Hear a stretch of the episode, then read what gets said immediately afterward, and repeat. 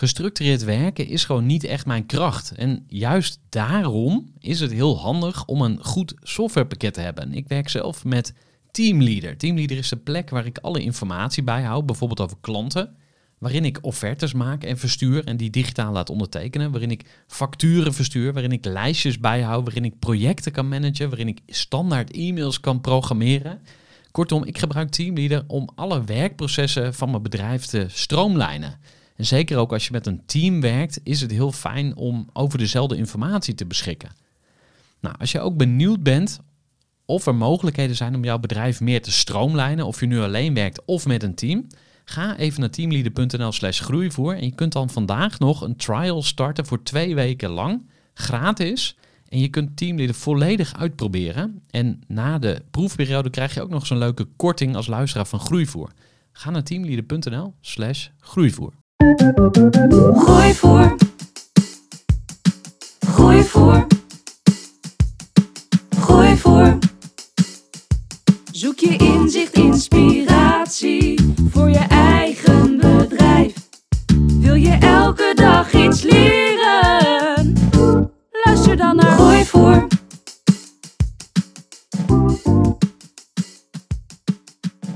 Als je wel eens een festival bezoekt, is de kans groot dat je wel eens in een tent of op een vloer van Erik van Donslaar gestaan hebt. Erik begon op zijn achttiende naast zijn studie bedrijfskunde met ondernemen en bouwde in ruim 15 jaar tijd een waar tentenimperium op.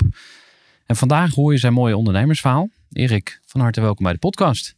Ja, gaan jou eh, verder voorstellen aan de luisteraar en eh, beginnen eigenlijk bij jouw avontuurlijke kant. Want je bent nogal avontuurlijk aangelegd. Op je twintigste reisde je namelijk af naar China. Je bezocht daar de Canton Fair, een grote zakenbeurs. En op je 23ste vloog je naar Pakistan voor de import van safari- en legertenten. Je moet maar op het idee komen, daar gaan we straks nog wat meer over horen. Ehm, je begon een tentenbusiness en die startte eigenlijk met het verhuren van legertenten op de boerderij van je vader in Scherpenzeel. Ja, sindsdien is het hard gegaan. Eh, je hebt inmiddels een, eh, een groep, de Van Donselaar groep, met zes bedrijven, 175 medewerkers en klanten in 60 landen. En behalve ondernemen mag je jezelf ook graag uitdagen op andere vlakken. Bijvoorbeeld met een zevendaagse mountainbike rit door Afrika. De New York Marathon. Nou, staat denk ik op heel wat eh, bucketlists. En eh, meer van dat soort uitdagingen. Super tof. Ehm, je deelt ook graag je kennis en ervaring als ondernemer. Dat ga je natuurlijk vandaag ook eh, doen in de podcast. Dus ehm, heel fijn dat je hier eh, wil zijn. ja leuk, eh, leuk dat ik uitgenodigd ben. Dus ik heb er zin in. Ja, mooi. Ehm, we gaan eerst het vragenvuur doornemen. Dat ga ik op jou afvuren om jou als mens wat beter te leren kennen. En we beginnen bij je ouders. Wie is je vader en wie is je moeder? Ja, mijn vader eh, is Geurt. eh, die, eh, die is boer. Dus die, die woont, we zijn opgegroeid op een boerderij. Hij is nu 72 ehm, en hij is nu net gestopt met, met melken. Dus heeft hij lang, lang volgehouden. Ehm, mijn moeder is helaas overleden toen ik, toen ik zes was. Ze heette Henny.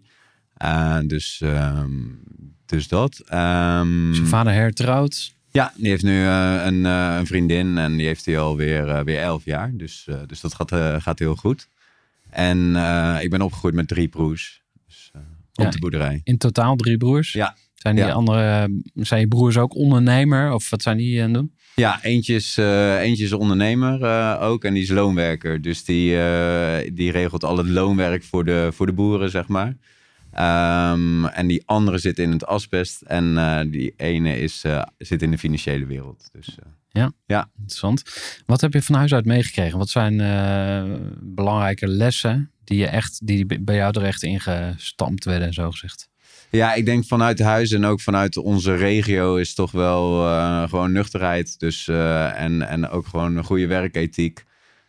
Ik denk ook wel goede mentaliteit, goed met geld omgaan. Eh, dus dat zijn wel, eh, ja, en gewoon goede, goede normen en waarden. Dus ik denk wel dat we dat eh, vanuit huis uit hebben meegekregen. Ja, en kan je dingen herinneren die letterlijk gezegd werden thuis? Bijvoorbeeld over geld of over een van de andere dingen? Ehm, ja, wat je niet uitgeeft, hoef je ook niet te verdienen. Ehm, ja, dat soort, dat soort gezegdes, zeg maar. Dus, Ja. ja. De tegeltjes. ja. Ehm, Wat is jouw eh, beste eigenschap en wat is je slechtste volgens jou? Ehm, mijn beste is denk ik ehm, dat ik probeer altijd dingen te, te begrijpen. Dat ik redelijk rustig blijf. eh, dat ik eh, ehm, ja, dat ik wel goed in de omgang ben. En dat ik redelijk open sta altijd voor iedereen zijn meningen. En dat ik ook wel goed kan, kan polderen, zeg maar. Dus ik, binnen de bedrijven werken we ook met partners. Dus ik denk dat ik goed kan, eh, kan samenwerken. Ehm, bedrijven zijn bij ons ook niet echt heel hiërarchisch eh, ingericht. En eh, dat werkt voor mij, mij heel fijn. Dat betekent wel dus dat je af en toe moet, moet schipperen, maar dat, dat gaat goed. Ehm, minder goede eigenschappen zijn denk ik soms een beetje chaotisch.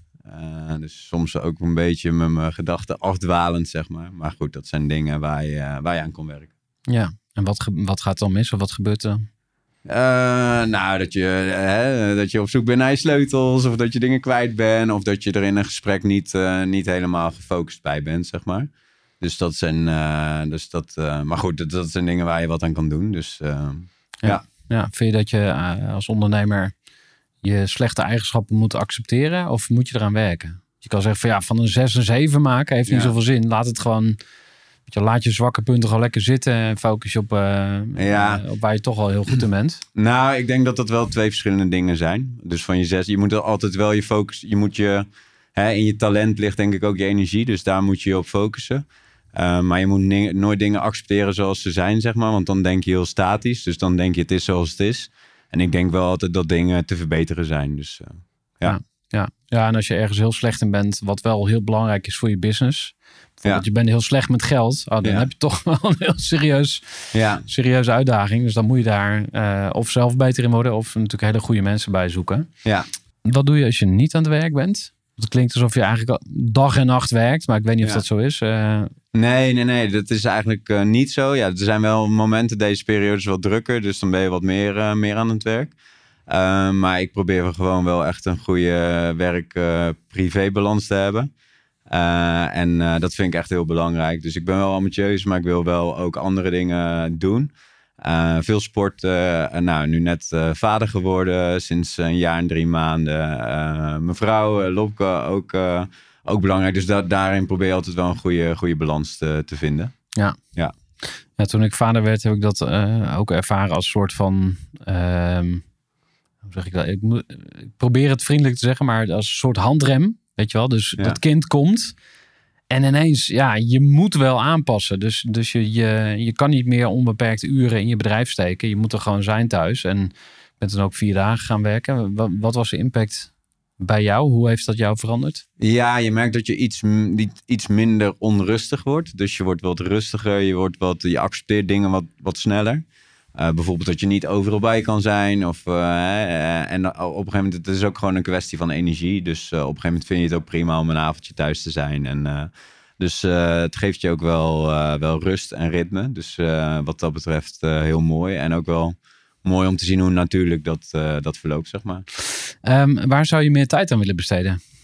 Ehm, en meer tijd aan. eh, ik, ik zou graag meer tijd eh, willen besteden aan schrijven. Dus eh, zelf, zelf eer- eerder schreef ik altijd meer een jaarboek van hey, hoe is het jaar gegaan?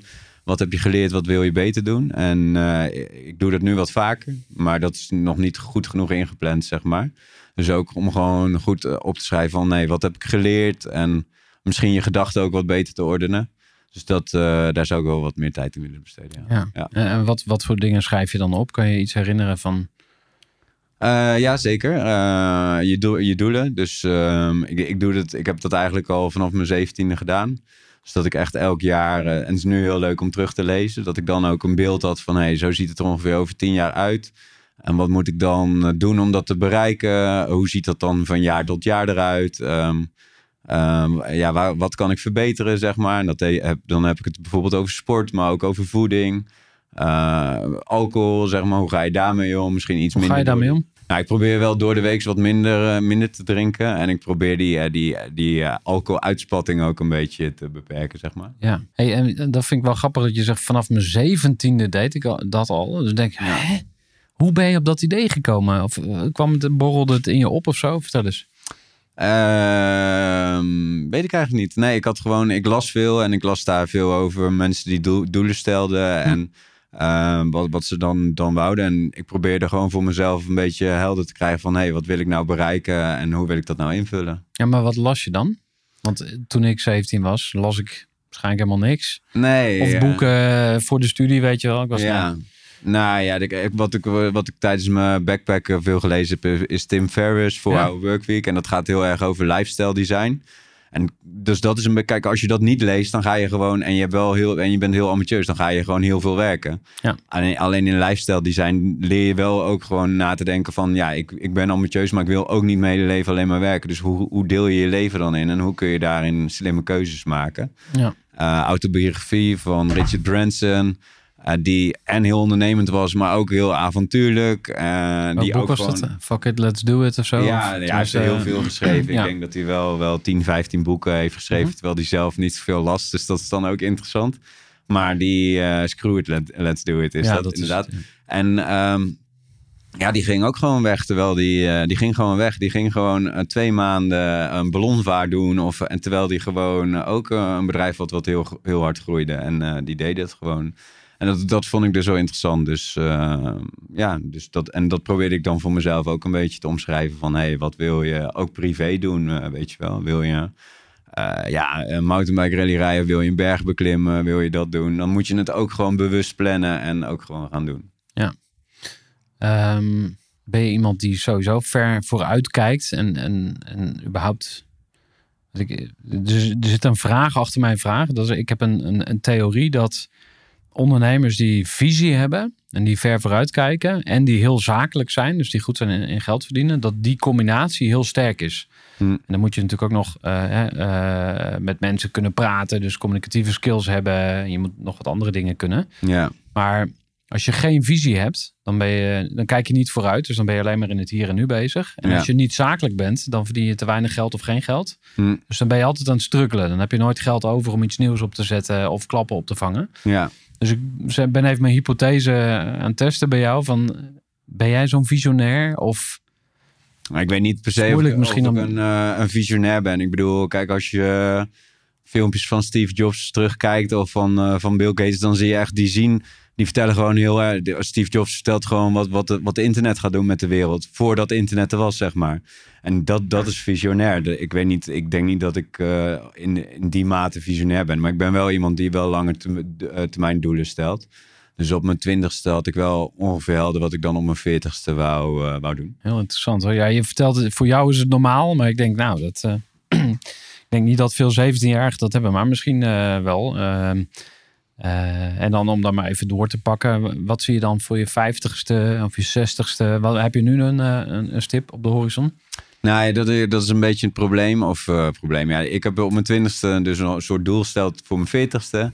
En dat eh, eh, ligt redelijk in lijn. Dus dat is ook wel eh, interessant. Vind ik, dat vind ik dan wel interessant. Wa- Wat ligt in lijn? Bedoelt, Nou, gewoon een beetje de omvang die het dan Ja. zou moeten hebben. En, en, en dat, soort, dat soort zaken. Je kijkt natuurlijk, je, je stuurt dan op omzet. Maar later kom je erachter dat andere dingen veel, veel belangrijker zijn. Hè, je, je moet elke dag werken. Dus je moet een goede verbinding hebben met iedereen. Je wil een goede sfeer hebben. Je wil er energie van krijgen. Dus dat, eh, hè, dat eh, mijn beheer heet, mijn, mijn, zeg maar beheer, mijn, mijn financiële beheer heet. eh, daar worden we blij van, beheer BV. Dus dat vrij snel zo, zo aangepast. Dat ik dacht van ja, je wil er uiteindelijk gewoon blij van, van worden. En niet alleen je. Je wil dat wij er blij van worden. Dus je, je collega's, maar ook je klanten. Gaan eigenlijk iedereen die er omheen ligt. ja, dus elke keer als jij een blauwe envelop in de bus hebt, dan word je eigenlijk her- herinnerd aan. Dus dan staat daar, eh, daar, daar worden wij blij van. Ah, zo, ja, ja. Dat, dat is je holding, zeg maar, voor je beheer. eh, ja, klopt, ja.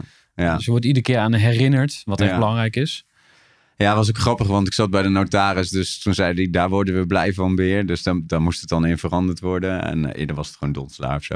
En toen begon hij te lachen. En toen zei ik van, zit je me nou uit te lachen? Zei ik tegen hem. Toen zei hij, nee, ik word er blij van. Dus dat vond ik wel, vond ik wel grappig. Ja, En eh, kijk, je, je vraag was van, heb je een, eh, een doel voor als je 50 bent? Eh, dat heb ik niet, omdat ik nu nog met mijn doel voor mijn 40ste bezig ben. Dat is nog vier jaar.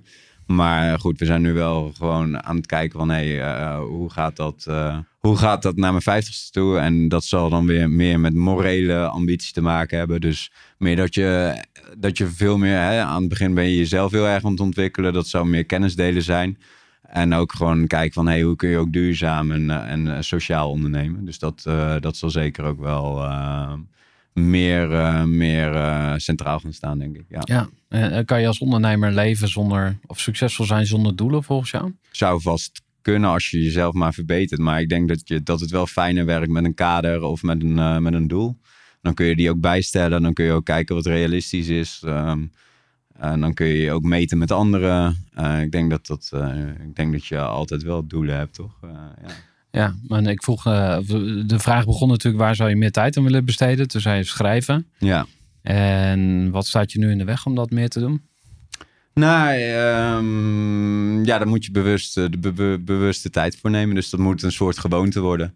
Dus je moet dat een beetje in je patroon krijgen. Kijk, ik, sport, sport gaat bij mij zeg maar vanzelf. Omdat het gewoon, hè, dat doe ik al zo lang. Dus het is voor mij gewoon een gewoonte geworden. Ja. Ik kan, ik kan mezelf bijna niet voorstellen dat ik niet zou sporten, zeg maar. Ja. En dat is dan uh, hè, met, met schrijven. Kijk, de, dan is dat, dat is dan ook uh, het geval, zeg maar. Dus dat Ja. moet meer een gewoonte gaan worden. Ja, interessant. Ja, ik, ik, ik heb dan bijvoorbeeld elke eh, zondagochtend ga ik hardlopen. En woensdag ga ik ook altijd hardlopen. En als het woensdag niet lukt, pak ik donderdag. Weet je. Dus soms dan, je hebt een doel en je glijdt een beetje af, maar dat geeft niet. Je moet, eh, dan pak je gewoon de draad weer op, begin je Ja. weer opnieuw. Maar het zou heel handig zijn dat je zegt van, hey, elke vrijdagochtend, ik noem maar wat. Of er is een vaste dag, dan sluit ik me op. Dan ga ik een uur lang schrijven, even uitzoomen. Ehm, dus nou, ik ga, Ja. dat, ik ga dat ook proberen. Ehm, eh, dus je inspireert me eh, indirect, dankjewel. Ehm misschien even om het vragenvuur eh, af te ronden. Ja. Eh, we hebben, ik heb nog twee vragen voor je. Wat, wat is de mooiste plek waar je ooit geweest bent? Ehm, ik denk Zuid-Afrika. Nee, eh, nee eh, Tanzania is dat. Tanzania, ja. Waar, eh, wat, wat maakt dat zo speciaal? Nou, de- daar gingen we echt op, op safari met een, met, met een privégids. En dan zie je echt die, die kudde, kudde dieren. Dat uh, kuddes met dieren, dat is echt wel... ja, dat vond ik wel indrukwekkend, ja. ja. Ja, cool. Ehm, tot slot, het vragen, eh, eh, als afronding van het vragenvuur. Wat is je beste grap? Of is er iets waar jij eh, altijd keihard om kan lachen? Ja, ik kan altijd wel, ik kan altijd wel, ik, nou ja, of om kan lachen, maar ik vind het altijd gewoon simpele humor, zeg maar, droge humor. En vooral, weet je, als wij met vrienden bij elkaar zitten en we hebben mooie verhalen, dat, daar kan ik wel, daar ga ik wel goed op. op. En ook op mensen die ook wel eh, gewoon energie uitstralen. En eh, ja, dus ik heb wat vrienden die altijd heel energiek zijn en eh, ja, daar ga je dan toch in mee. En dat, dat, daar ga ik altijd wel goed op, ja. ja. Ja. Mooi. We gaan naar je ondernemerschap. En een van mijn eerste vragen is: waarom tenten? ja, dat is eigenlijk meer, meer toeval dan wijsheid. Dus eh, ik, ik ben altijd wel heel erg ondernemend geweest. Ik ging dan inderdaad op mijn twintigste naar China, naar al die handelsbeurzen. Te kijken eigenlijk waar komt alles wat bij ons in de groothandels ligt, waar komt dat vandaan? Hoe lopen die lijnen? En eh, hoe gaat dat wel importeren dan? En moet je dan per container kopen?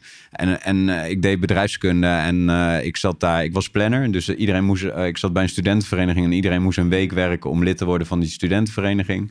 En, eh, en dan sliepen ze in een tentenkamp. En ik zat in die, eh, in die organisatie. Dus ik was planner en ik moest dus die tenten regelen. En die, eh, die man die wou ermee stoppen, dat was een leraar. Die had elke dag file voor zijn voor zijn huis voor mensen die tenten kwamen halen. Toen zei ik van, eh, nou, wij willen die tenten wel, eh, wel overnemen. Dus, Ja. ehm, Met wie deed je dat dan samen? eh, alleen. Dus, eh, Omdat je zei: wij willen het wel overnemen. Je had Oh ja, nee, geen nee. dat wel- compagnon ja, of ik zo. had altijd in wij, omdat eh, ik, eh, je doet het altijd, tenminste, hè, nu doe je altijd het met meerdere personen. Ja. Eh, maar nee, dus dat, dat was eh ikzelf op dat moment. Ja. ja. Ja. Heb, heb je überhaupt ooit een compagnon gehad? Ja, we hebben nu in alle bedrijven compagnons, tenminste in de, in de meeste bedrijven. Dus, Mhm. en, en naast de compagnons hebben we weer mensen die, die soms ook een aandeel hebben, hebben gekocht. Dus Ja. ja. ja. Maar jij staat zeg maar aan het hoofd, als je even hiërarchisch wil denken, van, van de, de groep. Nou, niet, he- niet- van de groep wel. Alleen in sommige bedrijven is het ook gewoon eh, 50-50 geregeld. Dus eh, Oké, interessant. Ja. Eh, waarom tenten? Nou, dat, dat, eh, dat weten we nu. En ehm, wanneer wist je van, ik heb iets in handen? Want je bent ook, nou, ja, dat vul ik dan in. Je bent heel zakelijk, hè, maar je vertelde ook van huis uit meegekregen goed met geld omgaan. Eh, je moest wel ergens handel inzien, denk ik. Of jij zag een kans. Wanneer dacht je van, hey, dit is het, hier ga ik mee door, dit ga ik groot maken? Ja, dat is gewoon stap voor stap eh, zo gegaan. Je begint met legertenten, dat worden dan grotere spantenten, worden dan aluhallen. En dan ga je, eh, begin je op een festival, dat worden dan heel veel festivals. Vervolgens ga je dan in de industrie. Dat is de, de kant van de aluhallen. Met safari-tenten gingen we... Ik was in Pakistan dus alleen. En eh, die, die safari-tenten werden gemaakt voor de Zuid-Afrikaanse markt. Dus glamping bestond toen eigenlijk nog helemaal niet in, eh, in Europa. Dus toen eh, stonden we op de vakantiebeurs met zo'n safari-tent. En dat was echt bizar. Iedereen zei van, ja, dit is toch geen kamperen meer. Het lijkt wel een huisje. Moet je die dan zelf meenemen? En dat was wel, dat was echt wel een turning point, zeg maar. Echt superleuk om te zien.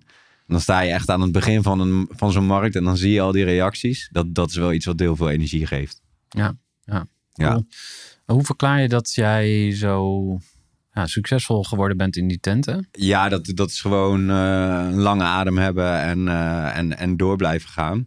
Eh, het is wel zo dat we natuurlijk naast de tent hadden we een uitzendbureau. En met een uitzendbureau heb je een verdienmodel, maar daar hoef je relatief, dat is niet zo kapitaalintensief. Dus dat betekent wel dat we die bedrijven iets sneller konden laten groeien doordat we, doordat we wat sterker stonden als groep. Dus die bedrijven in de groep hebben elkaar wel altijd heel erg eh, geholpen, ook financieel. Mhm. Dus dat is één. Eh, twee is altijd wel goede mensen om je heen ook kunnen delen. Dus met compagnons dat je ook een partnermodel hebt. Ehm, dat is twee. En ik denk sowieso de werkethiek en de cultuur bij ons in de buurt is, eh, is goed. Zeker voor een tentenbedrijf. Ja, dat is gewoon beuken. En, eh, of kan je dat eh, iets meer toelichten? Wat, wat dan... Ik denk dat mensen bij ons in de regio eh, loyaal zijn. Eh, en dat de werkethiek heel goed is. En dat ehm, mensen ook echt wel wat voor elkaar over hebben. Ehm, en dat, dat, dat is wel heel belangrijk. En heb jij een soort formule? Even een korte onderbreking met een belangrijke vraag aan jou. Want wat heb jij geregeld voor het geval je van de ene op de andere dag zou komen uit te vallen? Wat gebeurt er dan met je bedrijf, maar vooral wat gebeurt er met jou persoonlijk en ook in financieel opzicht? Samen met ASR voerde ik drie openhartige gesprekken over tegenslag en veerkracht. En dat deed ik met Saskia, Vincent en Pieter. Ondernemers met een bloeiend bedrijf die van de ene op de andere dag niet meer konden werken. En die verhalen hoor je in aflevering 256, 257 en 258 van deze podcast. Als ondernemer wil je natuurlijk niet uitvallen. En daarom is het belangrijk dat je veerkrachtig bent, want voorkomen is beter dan genezen. En als het dan toch misgaat, is het fijn dat je iets geregeld hebt, zodat je weer snel door kunt met ondernemen. Wil je weten hoe veerkrachtig jij nu bent? Vul dan in twee minuten de veerkrachttest van ASR in. Ga naar asr.nl slash veerkrachttest ondernemers. Van, stel je gaat nu een nieuw bedrijf opzetten. Ehm, hoe Ja. pak je dat dan aan? Zijn er, is er een aantal stappen die je dan doorloopt om tot een keuze te komen van oké, ik ga het doen of niet. Of hier ga ik, eh, stel je mag een ton investeren of een miljoen of whatever. Ja. Eh, waar let je dan op? Ik denk dat je gewoon, eh, je, dat je gewoon gaat kijken naar de potentie. Dus eerst, in de eerste instantie denk ik ook wel gewoon het verdienmodel en de omvang van de markt. Dus hè, is je bruto marge, kun je die, is die goed of kun je die goed laten maken als je het gaat schalen? En dan vervolgens ga je kijken of er voldoende schaal in zit. En eh, ja, dan, dan ga je het gewoon, eh, dan ga je de goede KPI's eh, bij elkaar rapen en dan, dan kun je van start. Ja, kun je een voorbeeld, voorbeeld noemen van een markt waarvan jij nu concreet zou denken? Ik weet niet of je nu iets in je hoofd hebt van, oh nou, ik zie nog wel een kansje. Ik heb er nu eigenlijk geen tijd voor, maar als ik een extra dag in de week had, dan zou ik dit oppakken en dan doe ik het zo en zo.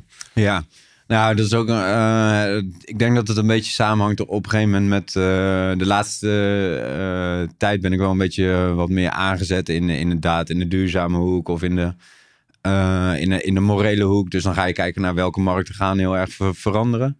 Dat is toch ook voedsel, elektriciteit. ehm, dus dat, dat soort zaken, daar ga je wel, daar, daar zou je naar kunnen kijken. Je weet dat daar veel veranderingen gaan plaatsvinden. Ja, voedsel en elektriciteit. Je weet gewoon dat de hele voedselketen Ja. gaat veranderen, zeg maar. Ja. Dat die op, op deze manier niet, eh, niet helemaal houdbaar is. Dat gebeurt natuurlijk al. Alleen ik moet zeggen dat dat wel heel ver afstaat van, eh, van mijn huidige business. Ja.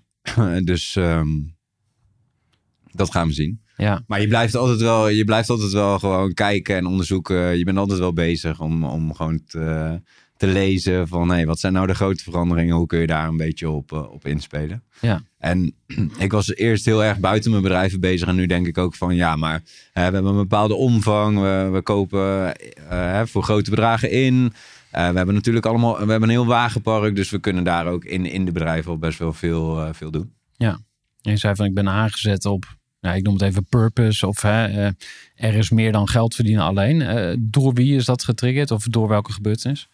Nou, je hebt, uh, door de dingen die je leest. Uh, ik, uh, en bij Enel groeit dat Jacqueline van den Ende pas. die heb ik toen. Wie is dat ook weer? Even... Ja, zij is van.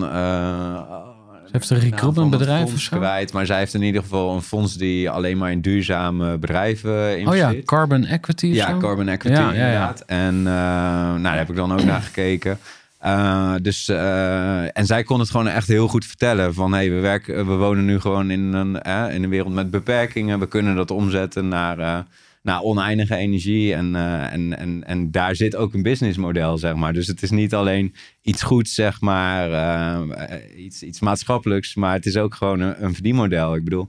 En zij, zij zit daarin. En zij kon het gewoon heel krachtig en concreet vertellen. Dus, dus dat zette me wel aan het denken. Vervolgens had ik uh, bij de Amsterdam Foundation, uh, was er een lezing van Rutger Bergman.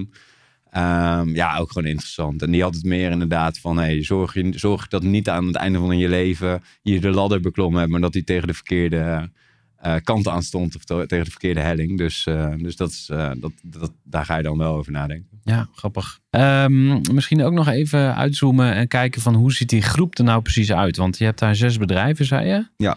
Uh, kun je ze kort opsommen en dan uh, misschien de onderlinge logica ook even toelichten? Ja, ik, ik, misschien dat ik gewoon bij het begin begin. En dat is uh, dus, uh, ik ben begonnen met een uitzendbureau, want ik was planner bij een studentenuitzendbureau op, op mijn, uh, in de studententijd. En dat deed ik samen met Wilbert Vernooy. En hij heette Vernooy en ik heette Donselaar. En samen met dat Verdo, dus de eerste drie letters van hem en van mij. Uh, en later hebben die, die vestigingen wel gescheiden, maar dat, daar is het mee begonnen. Nou, dus dat was een studentenuitzendbureau, wat later een volwaardig uh, uitzendbureau is begonnen, uh, geworden. nou, toen zijn we inderdaad via die, die studententijd in de legertenten gerold. En dat was enerzijds ging dat naar Donselaar-tenten, dus naar de verhuur van eerst in legertenten en later ook de grotere tenten. En dan kwam vervolgens aan de kant van de, oud, uh, van de safari-tenten kwam de outstanding uit. Dus dat was een groothandel, is een groothandel in safari-tenten. Dus daar leveren we echt aan, de, aan Landal, aan, uh, aan Vakantselect, uh, hebben we geleverd, um, aan Duinrail. Dus, en nu ook heel internationaal. Dus dat, dat is echt in de safari-tenthoek. En toen zijn we ook een eigen tour operator begonnen. En dat is Villa Tent. Nou, dat is, dat is dus ook nog in de glampinghoek. En dan heb je eigenlijk die combinatie van glamping en festivals. Dan gingen we met Recharge gingen we festivalcampings uh, gingen we verzorgen. Dat doen we onder andere voor de 50 jachtcamping uh, tijdens de Formule 1. En op Tomorrowland doen we dat onder andere. Um, en daarnaast zijn we nu dus begonnen met twee handelsbedrijven in de tent. En dat is Eurostretch voor de stretchtenten en tenttrainingen voor de aluminiumhallen. En welk bedrijf van, uh, van dit imperium is jouw lievelingsbedrijf? Waar, heb je het meeste, waar voel je het meest bij? Nou, ik heb, niet, uh, nee, ik heb geen duidelijke, duidelijke voorkeur. Ik denk ook niet dat ik er gelukkig van zou worden als ik helemaal fulltime bij één bedrijf zou zitten. Dus ik, ben hier wel content mee. die verschillende bedrijven, verschillende dynamieken. Mhm. En elk bedrijf heeft weer onderdelen die heel, heel leuk zijn en heel interessant. En die, die bedrijven kunnen ook weer heel veel van elkaar leren. Ja. Ja. En hoe, hoe ziet jouw werkweek er dan eigenlijk uit? Wat, wat is jouw rol? Ben je echt die vrije vogel die je rondfladdert hier en daar wat roept? Ja. Of, of ben je mensen aan het coachen of zo? Wat, wat, hoe ziet jouw werkweek eruit?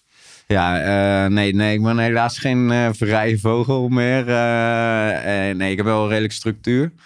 dus we hebben op maandag hebben we één keer in de twee weken HR-overleg. Dus over alle contracten, over loon, over bijzonderheden. Uh, dan hebben we financieel overleg. Dus dan kijken we van, hey, uh, zijn de prognoses kloppen die? Uh, zijn er bijzonderheden? Kunnen we dingen verder automatiseren? Dus dat is eens in de twee weken op maandag. Die andere maandag van die twee weken is Villa Tent dag of ochtend. Dus dan ga je daar wat, wat dieper in duiken. dinsdag heb ik geen, geen vaste planning. En op woensdag zit ik met Verdo, met mijn partner daar donderdag bij Donser Tenten en vrijdag bij Outstanding. En dan Ja. hebben we nog ja, daarin in die dagen vaste overlegstructuren. Ja. Ja. Word je daar niet helemaal gek van? Ik, ik heb drie bedrijven. Ja. En ik denk, ja, fuck. Drie is geen focus. Je hebt Nee. zes. Dus dan denk ik van, Nou, ik denk dat onze combinatie wel goed werkt. Want degene, dus er zijn mensen fulltime voor de bedrijven verantwoordelijk. Die hebben voor veel focus op de operatie. En ik eh, kijk weer meer hoog over. En zo kan ik. Dus mensen zitten dan toch mis- misschien een beetje te veel in het bedrijf. En ik kijk er dan toch misschien met gepaste afstand naar, waardoor je toch eh, andere verbanden ziet. En dat matcht denk ik heel goed. Dus ik, eh, ik, eh, wij zijn wel blij met die, met die indeling op die manier. En zou je niet nog meer vrijheid willen? Het zijn allemaal geen open vragen, hè? maar Ja. je zei van, ja, zo vrij ben ik niet meer. En toen begon je die structuur op nou, te sommen. eh, Ik ben in de zin van, we hebben, gewoon we hebben gewoon gestructureerde weken, zeg maar. Ik, ik, ik denk niet dat het productief is als je zo vrij bent dat je dat niet hebt. Dus ik, ik denk wel dat het goed is dat je wat structuur hebt. Dat lees je Mhm. ook wel in Scaling Up of in, in dat soort Mhm. type, type boeken. Ehm, het is niet zo dat ik eh, meer vrijheid zou willen. Als ik, ik, ik, ik ga inderdaad met, met, met nu deze, met tweede kerstdag vertrekken we naar Nieuw-Zeeland. Dan gaan we Mhm. drie weken heen. Het is niet zo dat ik dan nog veel hoef te werken. Dus ik denk dat je dan voldoende vrijheid eh, hebt. Dus ehm, Maar je zou nog één stap kunnen zetten. Je zegt van, ik neem een CEO aan. Ik moet even denken aan de founder van, eh, van Dopper, weet je wel, van, Ja. die, van die flesjes. ja, Daar werken honderd mensen. Ja. En hij heeft op een gegeven moment gewoon gezegd van, ja, fuck it. Ik weet niet of die dat zei, maar eh, Ja. ik ga eruit. ja, Ik heb een CEO. ja, Die is gewoon het eindbaasje. ja, Een eh, vrouw in dit geval. ja, Ik ben gewoon weg. Ik ben owner. Ja. En nou ja, jij bent geen operator, want jij, eh, jij zit niet eh, aan de touwtjes te trekken, zeg maar. Maar je zou natuurlijk kunnen zeggen, van, joh, ik eh, eh, neem gewoon iemand aan voor twee ton en ik ben gewoon helemaal, helemaal los van de business. Ja, het zou kunnen, alleen dat zou ik niet willen. Ten eerste heb ik altijd wel mijn droom gehad om, om een wat groter bedrijf te leiden. Dus ik denk dat je hebt ondernemers, zeg maar, en dan on- ontgroeit het bedrijf, de ondernemer. Of tenminste, zo voelen ze dat. Maar ik heb eh, altijd wel de wens gehad en het drijf om een wat groter bedrijf eh, te hebben. Ja. Daar past deze schaal bij. Ik denk dat uiteindelijk zou ik zelf wel een wat, wat, wat groter bedrijf willen. Ehm, Nog ik- groter dan je nu hebt, zeg maar. ja, ja zeker wel. En eh, dat is ook een beetje een logisch gevolg, want mensen in je bedrijf willen ook vooruit. En ik denk dat je, als je een ambitieuze cultuur hebt, dat je ook wel vooruit moet, anders ga je Hm. mensen verliezen. Hm. En dat, dat, ook wel, ja, dat je daar ook wel energie van, van krijgt. Eh, maar ik vind het ook gewoon wel leuk om, om hard te werken en om, om, om te presteren en, en om dingen te verbeteren. Dus ehm, ja, ik, eh, ik, ik heb niet zoiets dat, dat ik een te hoge werkdruk heb. Ik heb daar geen last van. Ik vind dat leuk. Ja. Zeg maar. Je ja. leeft je droom. ja, nou ja, dat, dat weet ik niet. Maar ik ben er wel... eh, Nou ja, je droomde ervan. Op je zeventiende schreef je op in dat boekje van, nou, dit is waar ik naartoe wil. ja, Het is gelukt. ja oké. maar dan, en dan gaandeweg krijg je weer nieuwe dromen. Dus dan... eh, Ja. Ehm, en wat is dan een volgende stap? 500 man, 1000 man? Of hoe reken je? Nou, hoe, ik denk- hoe schrijf jij ik- dat op? Ja, ik, ik zit niet meer zo in de, in, in de omvang, zeg maar. Ik, ik wil het inderdaad gewoon leuk hebben. Je wil goed presteren. Je wil ook wel de middelen hebben dat als je een kans ziet, dat je daarop in kan, eh, kan haken. Ja. Eh, dus ik zit, ik zit niet meer zo heel erg concreet in die, eh, in die of in die omzetten of in die aantal medewerkers. Of, eh, nee, dat is Ja. meer een gevolg van.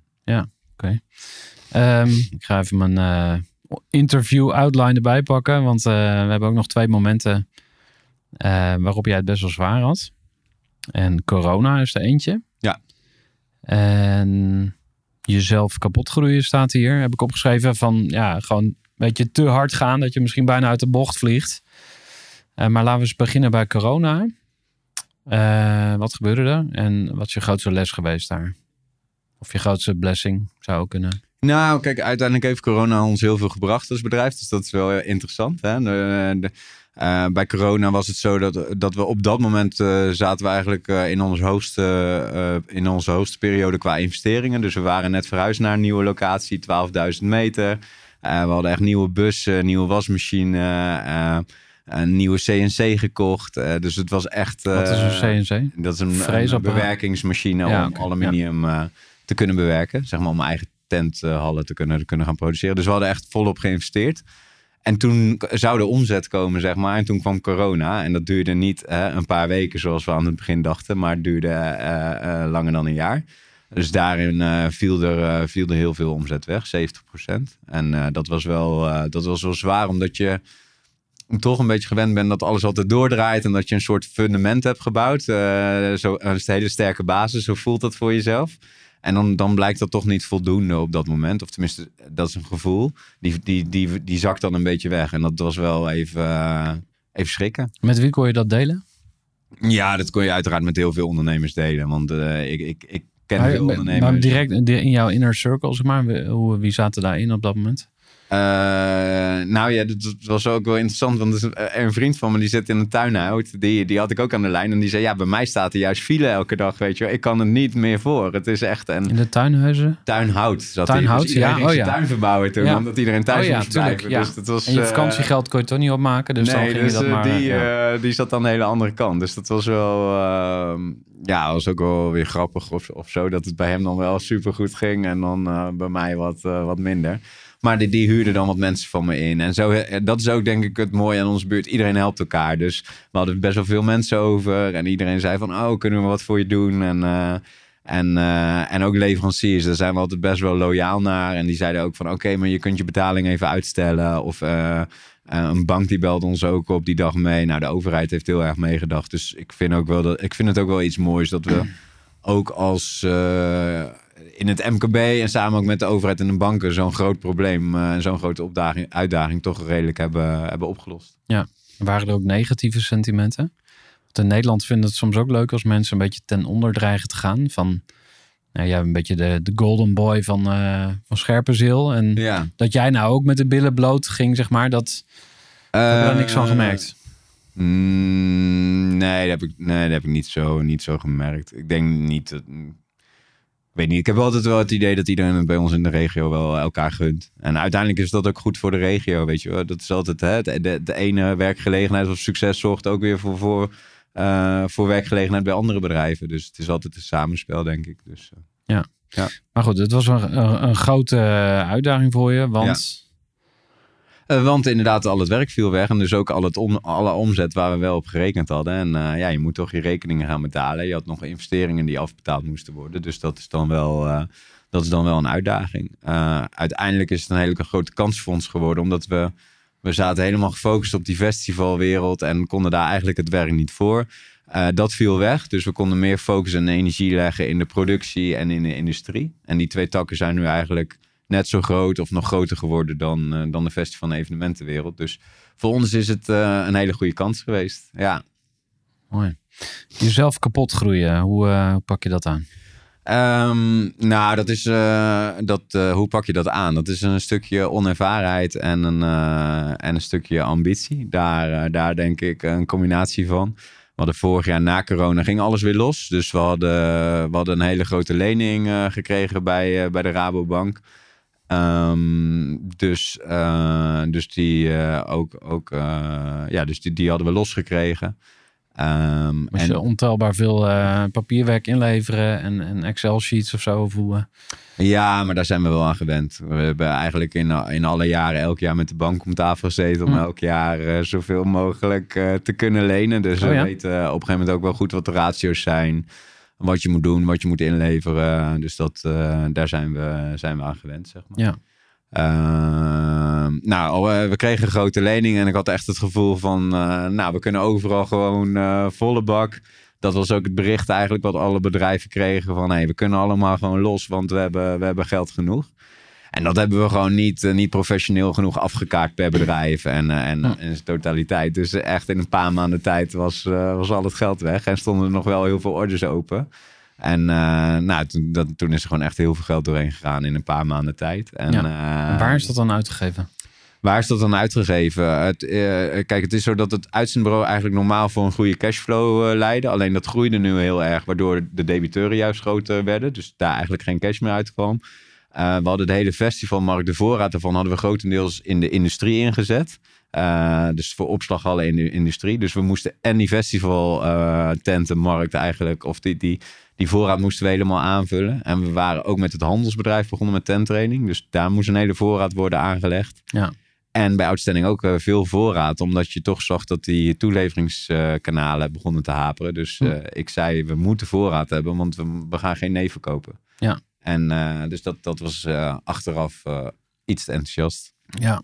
Hey, en, en hoe zie jij eruit als je boos bent? Ehm, nou, dat is bij mij denk ik niet zo vaak te zien, omdat ik. ik denk dat iedereen wel eens een dag heeft dat hij wat korter af is. Maar het, het, het is me maar één of twee keer gebeurd in mijn werkende leven dat ik echt, echt boos werd. En wat gebeurt er dan? Dan schreeuw je gewoon iedereen de tent uit of zo. Wat? Nou, dan moet er ook echt iets onredelijks gebeuren. En dat was in mijn ogen ook zo. Dus ik, ik denk dat ik altijd wel probeer mensen te, te vertrouwen en ook wat te begrijpen. En als mensen dan eh, eh, blijven liegen terwijl dat dan eigenlijk niet nodig is, dan eh, probeer ik wel te zorgen dat ze de waarheid alsnog vertellen. Ja, dus dat heb je ook meegemaakt. Want dit, ik vroeg van, wat zijn twee zware momenten geweest? Ja, Eh, maar dat, was niet een heel, dat is niet één heel zwaar moment. Want het is dan een moment van twee minuten en dan ben je het weer kwijt. Ja. En zware, ik, ik, ik vind zware momenten, dat zijn momenten die minimaal twee, drie maanden duren. Waar je echt tegen moet vechten. Dat is, eh, dat is eh, een, Ja. een zwaardere periode, zeg maar. Kijk, als iets een dag duurt, ja, wat is er dan zwaar aan? Nou ja, misschien kan het je heel persoonlijk raken. Ik heb bijvoorbeeld gemerkt dat eh, als ik verlies draai of zo, dat doet me in principe. Ja, dat doet me niet heel veel. Dat is misschien Nee. eigenlijk helemaal niet gezond. Zou eigenlijk moeten zeggen van hé, hey, als er te veel geld uitgaat, dat doet mij ook eh, fysiek pijn of dat raakt me echt. Maar Mm. eh, pas als ik een persoonlijk conflict heb met iemand, dan, dan voel ik het echt. Dus Ja. mijn zwaarste periode in mijn ondernemerschap was eh, een fase waarin ik twee arbeidsconflicten tegelijk had. Ja, En dat heeft me ook ontzettend veel gebracht uiteindelijk. Ja. Kan ik achteraf nu zien. Maar toen, ja, ik was echt gewoon half depressief. Ik kwam gewoon thuis. Het eerste wat ik deed was gordijn dicht, op bed liggen. Ik was gewoon helemaal uitgeput. Ik was gewoon doodmoe. En dan kroop ik om 7 uur, 8 uur nog een keer uit mijn nest. Ging wat eten en dan ging ik weer naar bed. Eh, maar juist dat persoonlijke conflict, eh, dat, dat, dat deed mij heel veel. ja. Hoe doe jij dat? Ja, ik heb, ik heb daar, daar wat minder last van, denk ik. Ik kan er redelijk snel overheen stappen. Ik kan eh, mensen goed begrijpen. Ik kan ook. Ik vind het ook altijd een beetje raar als mensen slechte verliezers zijn, zeg maar. Dus als iemand weggaat, dat je dan opeens heel, heel raar gedrag gaat vertonen. Ik eh, probeer iemand altijd te begrijpen. En als iemand anders ergens anders goede kansen krijgt, dan, eh, dan is dat zo. Ja. En eh, ja, er zit altijd wel een reden achter gedrag, zeg maar. Dat, dat moet je wel proberen te begrijpen. Ik ga naar de groeidilemma's. Dus we gaan er toch weer een beetje de zakelijke kant op sturen nu. Ja. Ik heb een aantal dilemma's voor je. Je moet kiezen. En nuanceren mag achteraf. Ik ben goed in geld verdienen. Of ik kan nog wel wat leren over geld. Eh, ik ben er wel goed in, denk ik. Een betere wereld. Of een beter bedrijf. Een betere wereld. Gezond zijn. Of succesvol zijn. Gezond zijn. Elke dag een beetje beter worden. Of tevreden zijn met wie je bent. Elke dag een beetje beter worden. Ik kan goed delegeren. Of ik doe het liever zelf. Ik kan goed delegeren, maar het kan altijd beter. Ik wil graag aardig gevonden worden. Of een stevig gesprek is voor mij geen enkel probleem. Eh, een stevig gesprek is voor mij geen enkel probleem. Oké. Diner met familie of vrienden. Of toch even een nieuwe klant binnenslepen. Eh, familie of vrienden. Oké. Nou, dat zal. eh, daar ga je tegen de stroom in van wat de meeste mensen zeggen. Dat is grappig. Ik ben lief voor mezelf of ik ben streng voor mezelf. Ik ben wel lief voor mezelf, denk ik. Oké. Ik moet nog iets bewijzen of ik heb mezelf geaccepteerd. Ik heb mezelf wel geaccepteerd, maar het is altijd leuk om jezelf ook nog te kunnen bewijzen. Oké.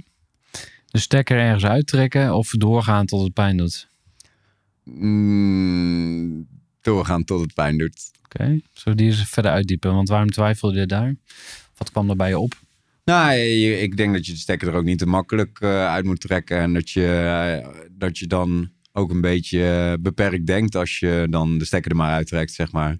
Dus ik zal altijd wel nog een paar keer doordenken van... hé, hey, maar wat kan ik wel doen om er wel een succes van te maken? Waarom heb ik wel gedacht dat het een succes kon zijn? Ja. Dus, ehm, dus dat. Ja. Wat, wat zijn de tekenen van. eh, ik ben aan een dood paard aan het trekken. Wanneer moet je als ondernemer echt eh, wakker worden, volgens jou? Nou, ik denk als je er eh, als je voor jezelf de verkeerde doelen hebt gesteld en er misschien ook geen energie meer, meer uit van krijgt, dan, dan Ja, dus als je geen energie meer krijgt van je bedrijf of van een persoon ja. of van een product of van een klant of zo, waar, waar zit dat dan? eh, ja, nee, wanneer- nee, inderdaad ook van een persoon of van een collega. Of, eh, en als dat dan vervolgens te lang duurt, ik denk dat iedereen zijn goede en minder goede periodes heeft, dus daarin moet je ook niet te snel conclusies trekken. Ehm, maar als dat, ja, op een gegeven moment moet je dan wel eh, beslissingen maken. Ja, Ja. oké. Ik ben goed in geld verdienen. Die, eh, ja, dat vond ik overduidelijk. Wat is je beste tip als het gaat om geld? Eh, Mogen er ook beste- meerdere zijn? Ja, nou, ik denk dat mensen heel veel met geld op gevoel doen of zo. Ik, ik hoor dan wel eens mensen zeggen: nee, ik wil geen lening, want dan ben ik bang dat ik failliet ga. Dan denk ik, ja, maar als je gewoon zorgt dat je financiële ratio's hebt en je stuurt daar goed op, dan ga je niet meer zo failliet, weet je wel. En dan denk ik, dan doen mensen dingen te snel op gevoel of eh, gewoon duik er eens in. Hoe werkt geld echt, weet je wel? Hoe werkt rente echt? Hoe werkt een hefboom? Hoe, hoe werkt private equity? Hoe werkt lease? Eh, wat, wat zijn je risico's? Ja. Wees daar gewoon wat, eh, wat nuchterder in of zo. Ja. Dus onderzoek het wat meer voordat je iets roept wat niet eh, gefundeerd is. Ja, en vertel eens, hoe, hoe werkt geld echt? Wat zijn de soort basislessen volgens jou van, oké, je gaat straks aan je dochter uitleggen, die wil een bloemenwinkel in de, in, de, in de Achterhoek of zo, of die wil iets heel anders. Wat, Ja. wat, zijn, wat zijn dingen die jij haar gaat meegeven over geld? Nou, in ieder geval dat je goed overzicht hebt, toch? Dus, eh, dus dat, je, dat je als je, hè, dat je, dat je inderdaad goed met financiële getallen kan werken. eh, dat je, dat je weet wat dingen kosten. Dat je, je weet hoe je dingen aanstelt. Als ze in een winkel wil, zou ik wat, wat met wat financiële ratio's gaan, eh, gaan werken. En maak ook een prognose. En dus zo op, die, op die manier. Ja. ja. Oké, stel dat dat nou niet, eh, want ik, merk bij mezelf bijvoorbeeld, ik, ik ben ontzettend creatief. Dus ik ben Ja. echt een, echt een ma in die zin echt een maker. Ik, ik begin ook mijn, eh, mijn nieuwe podcastbedrijf, Eer Eer. En ehm, eh, ik vind dat creatieve stuk het leuk, het, het allerleukst. Ja. En dat geld, dat verdwijnt iedere keer naar de achtergrond. Dus bij jou zit het misschien in je voorhoofd dat je iedere keer daar, dat ze een bewustzijn van, oké, dat, dat bij alles wat je doet, eh, weeg je dat ook mee. En bij mij zakt het iedere keer weg. En denk ik, oh ja, jij zegt overzicht. Ja, hoe zit het ook alweer? Welke kosten heb ik ook alweer? Eh, dus als je nou niet een natuurtalent bent met geld, maar je hebt wel een bedrijf. ja. Hoe regel je het dan? Zeg maar, moet je dan ook van die 16-7 maken? Of, of moet je dan... Hoe zou je dat kunnen oplossen volgens jou? Ja, ik, ik, ik, lijkt me wel gezond dat je wel met, met, eh, met, met, met goede prognoses werkt en met goede data. En dat je goed inzicht hebt. En dat je op basis van, eh, van harde cijfers toch keuzes kan maken. En kijk, groeien kost ook geld. En, en, en aan het begin dan verlies je ook geld als je wil, wil groeien. Maar eh, weet, weet wat je verwacht en weet wat er gezond is. Maak, ma- maak een prognose. En als je daarvan afwijkt, eh, maak een plan. Ja. Ehm, ik denk dat het gewoon hartstikke zonde is dat mensen daar gewoon niet te bewust mee bezig is. Want daardoor krijgen ze juist stress omdat ze geen overzicht meer hebben. En dat, eh, dat is helemaal niet nodig. Ja, zie je dat ook om je heen dan? Ik Ja, gebruik ik- nu even Ik mezelf zie, als eh, kop ik van zeg maar. Ik zie inderdaad wel omheen dat mensen heel hard aan het werk zijn, maar niet zo bewust aan het werk, zeg maar. Dus dan denk ik, ja, probeer gewoon een paar uurtjes in de tijd ook bewust met dingen bezig te zijn. En met Eh, geld dus ook. Ja, precies. Ja, en dat is, er is gewoon heel veel onwetendheid over geld. En dat, eh, hè, hoe werkt een hypotheek? eh, hoe werkt de geldmarkt? Hoe werkt inflatie? eh, hoe werken belastingen? Dus dat, dat is wel, ja, ik vind dat wel een basiskennis die mensen zouden moeten hebben, ja. Ja, Ja. Interessant. Ja, dat is gek eigenlijk. Hè? Je begint met ondernemen en, en dan... Ja, er zijn wel meer van die uitspraken van... je leert van alles of zo op school. Behalve de dingen die je echt moet weten. Bijvoorbeeld hoe werkt geld? Hoe Ja. werken relaties? Hoe werken, eh, weet ik veel, gewoon Ja, cruciale vaardigheden in het leven. ja. Ehm, en stel dat je nou jezelf beter wil maken in geld. Is er dan een boek of zo of een, een andere plek waar je moet beginnen volgens jou? Eh, Moet je gewoon je accountant bellen en elke maand wat inplannen of zo? Wat, wat zou een... Nee, maar je hebt, ook, je, hebt, je hebt natuurlijk ook wel boeken over, over groeiondernemingen. Ik Mhm. bedoel, scaling up, eh, daar, daar gaan ook wel echt hoofdstukken over geld. Ja. En over, over ratio's en waar je op kan sturen. Dus dat, eh, ja. Ja, nou, maar het is voor jou allemaal gesneden koek en vanzelfsprekend. Maar, Ja. ehm, nou ja, genoeg denk ik daarover. Ehm, misschien nog iets over delegeren. Ja. Want volgens mij ehm, kan je het goed, zei je. Maar toch kan het ook altijd beter. En hoe ziet dat er... Hoe, hoe kun je die mix? Want dat is wel interessant. Hè? Als je kan delegeren en toch mensen ook helpt om nog beter te worden. Heb je daar een... eh, Nou, ik- kijk, het gevaar is altijd dat je dingen toch, eh, toch iets te snel naar jezelf toetrekt. eh om, om de gang erin te houden. Of om, om, hè, om te denken, ik pak het er wel even bij. Ja. En het is denk ik wel de kunst om, eh, om een werkload, zeg maar, om die eerlijk te verdelen in je bedrijf, maar ook, eh, ook eh, met, je, met je eigen, in je eigen functie, zeg maar. Ja. Dus dat is wel, wel een taak. En kijk, dat zie je vaak een beetje fout gaan als mensen meewerkend voorman zijn. Of als ze mensen moeten aansturen, maar eigenlijk ook zelf nog een fulltime baan hebben. Ja. ja, dat, dan, dan, dan werkt dat niet goed. En dan leiding geven kost ook gewoon tijd, zeg maar. Dus Mhm. dat, daar moet gewoon een goede balans in zitten. Interessant. Ja, ik zat even te denken aan een quote die ik een keer hoorde. Iemand die zei, als je werkgever bent, moet je werk geven Ja, en niet nemen. nee. En hij zei van, als je bijvoorbeeld als ondernemer een vergadering ga- ingaat, Ja, moet je zorgen dat je zonder actiepunten uit die vergadering komt. ja, Maar heel vaak krijg je toch weer van alles in je schoenen geschoven. Of, Ja. of je trekt het inderdaad naar je toe van, Ja. ah, dat zoek ik wel even uit. Of ik schrijf dat ene tekstje wel. Of die e-mail, die, eh, die pak ik wel op. ja. Het vergt dus ook een principiële keuze. eh, om gewoon in principe zo min mogelijk te doen. Ja, Ja. dat klinkt, als, ja, klinkt alsof je Nee, heel, maar- heel lui bent dan. Maar Ja, nee, ik wil er wel op inhaken hoor. Want ik denk dat werkgever gewoon echt onderschat wordt. Als- Hm. Als jij een goede werkgever wil zijn, Mhm. dat betekent dat je werk heel moet gaan faciliteren. Dat je moet dus zorgen dat, me- dat mensen zo optimaal en productief mogelijk kunnen werken. Ja. ja, dan moet je zorgen voor schaalbaarheid, voor een goed proces, voor de goede colle- collega's, eh, voor de goede werkindeling. En dat is gewoon heel veel werk. Het is heel veel werk om werk dus goed te kunnen faciliteren en mensen in hun kracht te zetten. Ja. En dat, eh, dat onderschatten mensen. En wat je dan ziet is dat werkgevers inderdaad niet gaan werkgeven, maar zelf gaan, wer- gaan werken. Eh, waardoor, waardoor gewoon dat, he dat, dat hele fundament waarop die hele structuur waarin gewerkt wordt, dat dat gewoon niet, niet goed staat. Ja. Dus dat, eh, dat, dat wordt echt onderschat door mensen. Ja. En die gaan dan zelf allemaal meewerken omdat ze dan voor hun gevoel heel productief zijn. Maar dat eh, is niet altijd het geval. valt wel tegen, ja. Ja, Misschien me nog een ander boek eh, te binnen dat, dat laatst in mijn, op mijn deurmat viel. En dat heette Tien keer groter is makkelijker dan twee keer groter. Dus van een Amerikaanse business coach. Ja. En hij zegt van, joh, als je je bedrijf twee keer zo groot wil maken, dan ga je Ja. waarschijnlijk veel harder werken. Ja.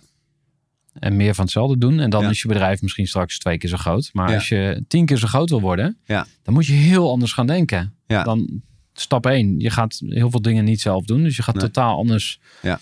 eh, andere keuzes maken. Is, is dat ook, eh, herken jij daarin van dat, dat grote denken en ver vooruit en dat visionair hebben we het ook over gehad? Hm. Of, of het kan natuurlijk ook wel allebei, hè? dat je groot denkt en keihard werkt. Maar Ja, ik, eh, je, moet, je moet ook uitkijken met scaling up ook. Hè, dat je maakt altijd vijf jaren doelen of hè, dat, dat het te Amerikaans wordt. Dus ik snap de denkwijze, hè, want dan moet je op een andere manier denken. En dan moet Ja. je eh, je bedrijf op een hele andere manier neerzetten. Dus dan, eh, anders kun je niet van twee keer zo groot, tien keer zo groot worden. Ja. Maar goed, er liggen allemaal stapjes tussen, zeg maar. Dus ik denk dat je je op de kleine dagelijkse stapjes moet richten, maar eh, met in gedachtneming van de wat grotere stappen. Dus dat dat eh, in, in balans moet zijn. ehm, ik vroeg jou van eh, wat zou je meer willen doen? Toen zei je schrijven. Ja. Heb je wel eens overwogen om een boek te schrijven? De Donselaar methode? Of, Eh, ja, heb ik wel eens overwogen, ja. en? Ja, nee, kijk, dan begint het er denk ik mee dat je, dat je wat, wat, met wat kleinere dingen gaat schrijven. Misschien een blog. En dat je dat op een gegeven moment wat, eh, wat verder uitwerkt. Heb je al een titel? Eh, ik heb er wel over nagedacht, ja. Noem Dus, eens wat. eh, nee, ja, nee. Spoilers. dat, ik, ik heb er wel over nagedacht. je tent op orde. Zou Ja, kunnen. nee, maar dat, en dat doe je misschien ook, misschien doe je dat ook een beetje voor jezelf, weet je wel. Ik vind het gewoon, kijk, ik vind ondernemen heel erg leuk. Ja. En kijk, en er zijn natuurlijk, hè, in Amerika is de ondernemer is veel meer, eh, hè, dat is echt, eh, dat zijn iconen, zeg maar. En in Nederland is het toch wel, zijn we toch heel nuchter, wat, wat ook heel, eh, heel mooi is hoor. Uh, maar voor mij is ondernemen wel echt, echt iets waar ik heel veel energie van krijg en ook uithaal. En dus ik vind het echt iets moois, zeg maar. Het is echt oprecht een, een passie van me, zeg maar. Dus ja. kijk, voor heel veel mensen is Messi of Ronaldo echt sporters zijn echt helden. Ja. En voor mij zijn grotere ondernemers dat. Dat vind ik gewoon heel mooi. Ja, en we zouden dan in Nederland ook wel trotser mogen zijn er of zo op onze Pieter Zwarts en uh, Erik Ja, vind ik, wel, vind ik wel. Maar, maar goed, je ziet dat ook wel langzaam veranderen. Je ziet, het, hè, dat, dat, je ziet wel dat er meer initiatieven komen. Ja. dus dat, dat is een goed teken wat mij betreft. Ja. ja, dat je toch wat meer van elkaar kan leren en dat je elkaar in, inspireert. Ja. Um, nou, mocht je ooit een boek gaan maken, bel me even. Dan maken we ook meteen een podcastserie ja, ervan. Ja. Dan kan je uh, van elk hoofdstuk, stel je hebt tien, tien hoofdstukken, dan kan ja. je ook uh, op andere manieren. Want er zijn ook heel veel mensen die, die houden niet van lezen. Weet je wel, of die zijn dyslectisch of die, uh, die kunnen dat niet. Maar nee. ik, um, ga naar ehm, jouw persoonlijke groei misschien nog even. Eh, als je nu terugkijkt, misschien een mo- moeilijke vraag, maar waarin ben je nou het meest gegroeid als ondernemer? Vergeleken met eh, toen je 17 was. Nou, ik denk, ik denk als je wat ouder wordt, dat het wel fijn is dat je wat beter je grenzen aangeeft. En dat je. eh, ik denk dat ik eerder gewoon eh, over, misschien wat meer overal in meeging. En misschien heel hard werkte, maar misschien iets minder goed was in mijn richting bepalen, zeg maar. En als je wat ouder wordt, word je gewoon wat consistenter. En zie je dingen wat meer op lange termijn. Ben je minder impulsief. ehm, word je daarin gewoon wat, wat volwassener, denk ik. Dus grenzen aangeven, daar ben je wel echt in gegroeid. Ja, en je merkt gewoon als je ouder wordt dat, dat, er wat, wat meer hardheid is, zeg maar. Ook voor jezelf. Van eh, dit wel, dit niet. Dus je Ja. hebt wat betere kaders, denk ik. Wie hebben jou het meest geholpen in jouw eh, ondernemersreis? Zijn er mensen die daar uitspringen? Nou, ik, de- ik denk dat wij... de- kijk, we hebben een paar partners. Ik denk gewoon al mijn collega's sowieso. En ook eh, de partners die, eh, waar, waar, waarmee we echt samen ondernemen. En eh, dat, dat is gewoon wel echt een heel leuk gevoel. En ook gewoon een heel, heel goed gevoel dat je het met z'n allen doet. Dat je elkaar opvangt. Dus dat, de een, dat iedereen ook gewoon makkelijk een keer een weekje of twee weken weg kan. En ehm, daar, ben ik wel, daar ben ik wel heel blij mee, ja. Zijn er mentoren die jou verder geholpen hebben? Want je bent zelf ook mentor, geloof ik, bij NL Groeit, als ik Ja. fris. Je hebt Ja. zelf daar ook een mentor of zo gehad? Of? Ja, ik heb via NL Groeit eh, heb ik eh, wel gesprekken gehad met Pieter Zwart van Coolblue. eh met Bas van der Veld van AFAS. Ehm, ik ben, dus dat, dat, zijn, dat zijn echt hele leuke, leuke gesprekken, heel leerzaam. Ehm, ik ben zelf bij Tony Robbins geweest in, Oh ja. in Engeland, maar ook in Nederland, meerdaagse. Eh, dus dat is echt een Amerikaanse business- en lifestyle coach. Dus, eh, wat, wat heb je daar bijvoorbeeld uitgehaald? Ik heb een paar boeken van hem. maar Ik, ik, Ja. ik ben wel behoorlijk fan, geloof ik, van hem. Dus eh, ja. Ja. niet zo'n soort van aanbidding of zo. Je moet alles Nee. wel een beetje door je eigen filter halen ook. Maar, maar is er iets wat je daar nog uit mee hebt genomen? Ja, ik denk wel eh, dat wat, wat daar gewoon heel interessant is, dat je echt gewoon 12 uur per dag heel actief bent. En ook moet zingen en moet dansen en eh, groepsopdrachten moet maken. En dat je dan vervolgens nog moet eten naar je hotel moet. Dat je eigenlijk veel te weinig slaapt die hele week.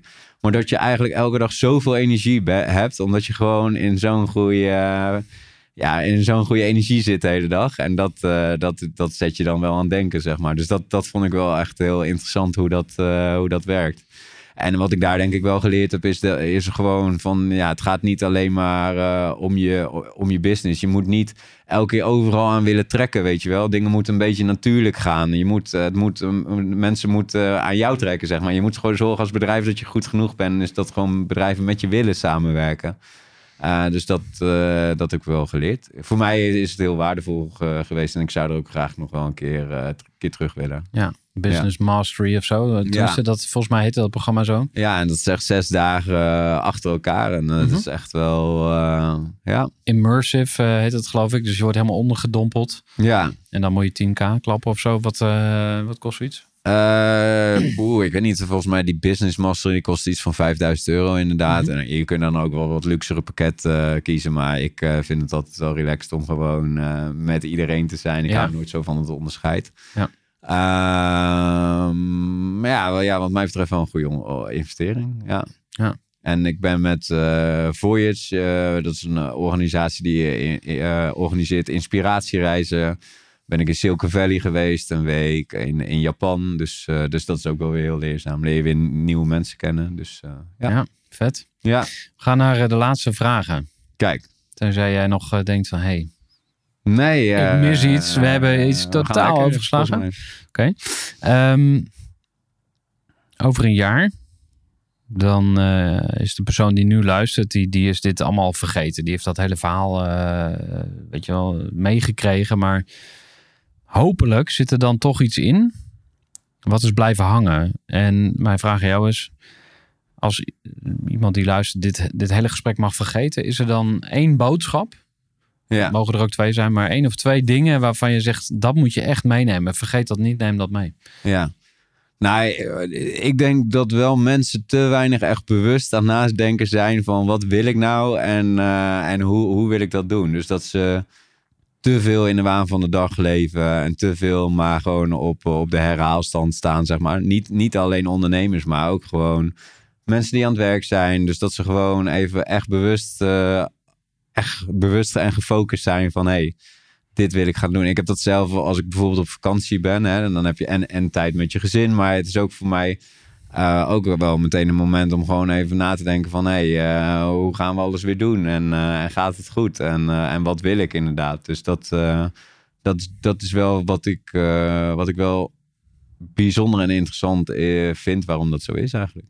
Ja. Ja, ja je advies is dus... Plan die tijd gewoon in. Dus maak een plan. net wat ik zeg, ik maakte zelf ook vanaf, vanaf mijn 17 nou, vanaf mijn 20 wat langer dan gewoon een jaarboek stond gewoon even een terugblik, even een, uh, ja, een, een, planning met hey, dit, dit gaan we doen. Ja. Ja, dus dat, ik, dat is, zo, zo werken veel dingen toch? waarom niet? Ja, dankjewel Erik. Ja, was het leuk. mijn eerste podcast, dus een ontgroening eigenlijk. Ja, dank voor je openheid. Dat is mooi. Ja. Ja, dat komt een beetje door de vragen. Hè? Dan, moet je wel, dan moet je wel open zijn. Ja, nee, heb je mooi gedaan. Dankjewel. Gooi voor.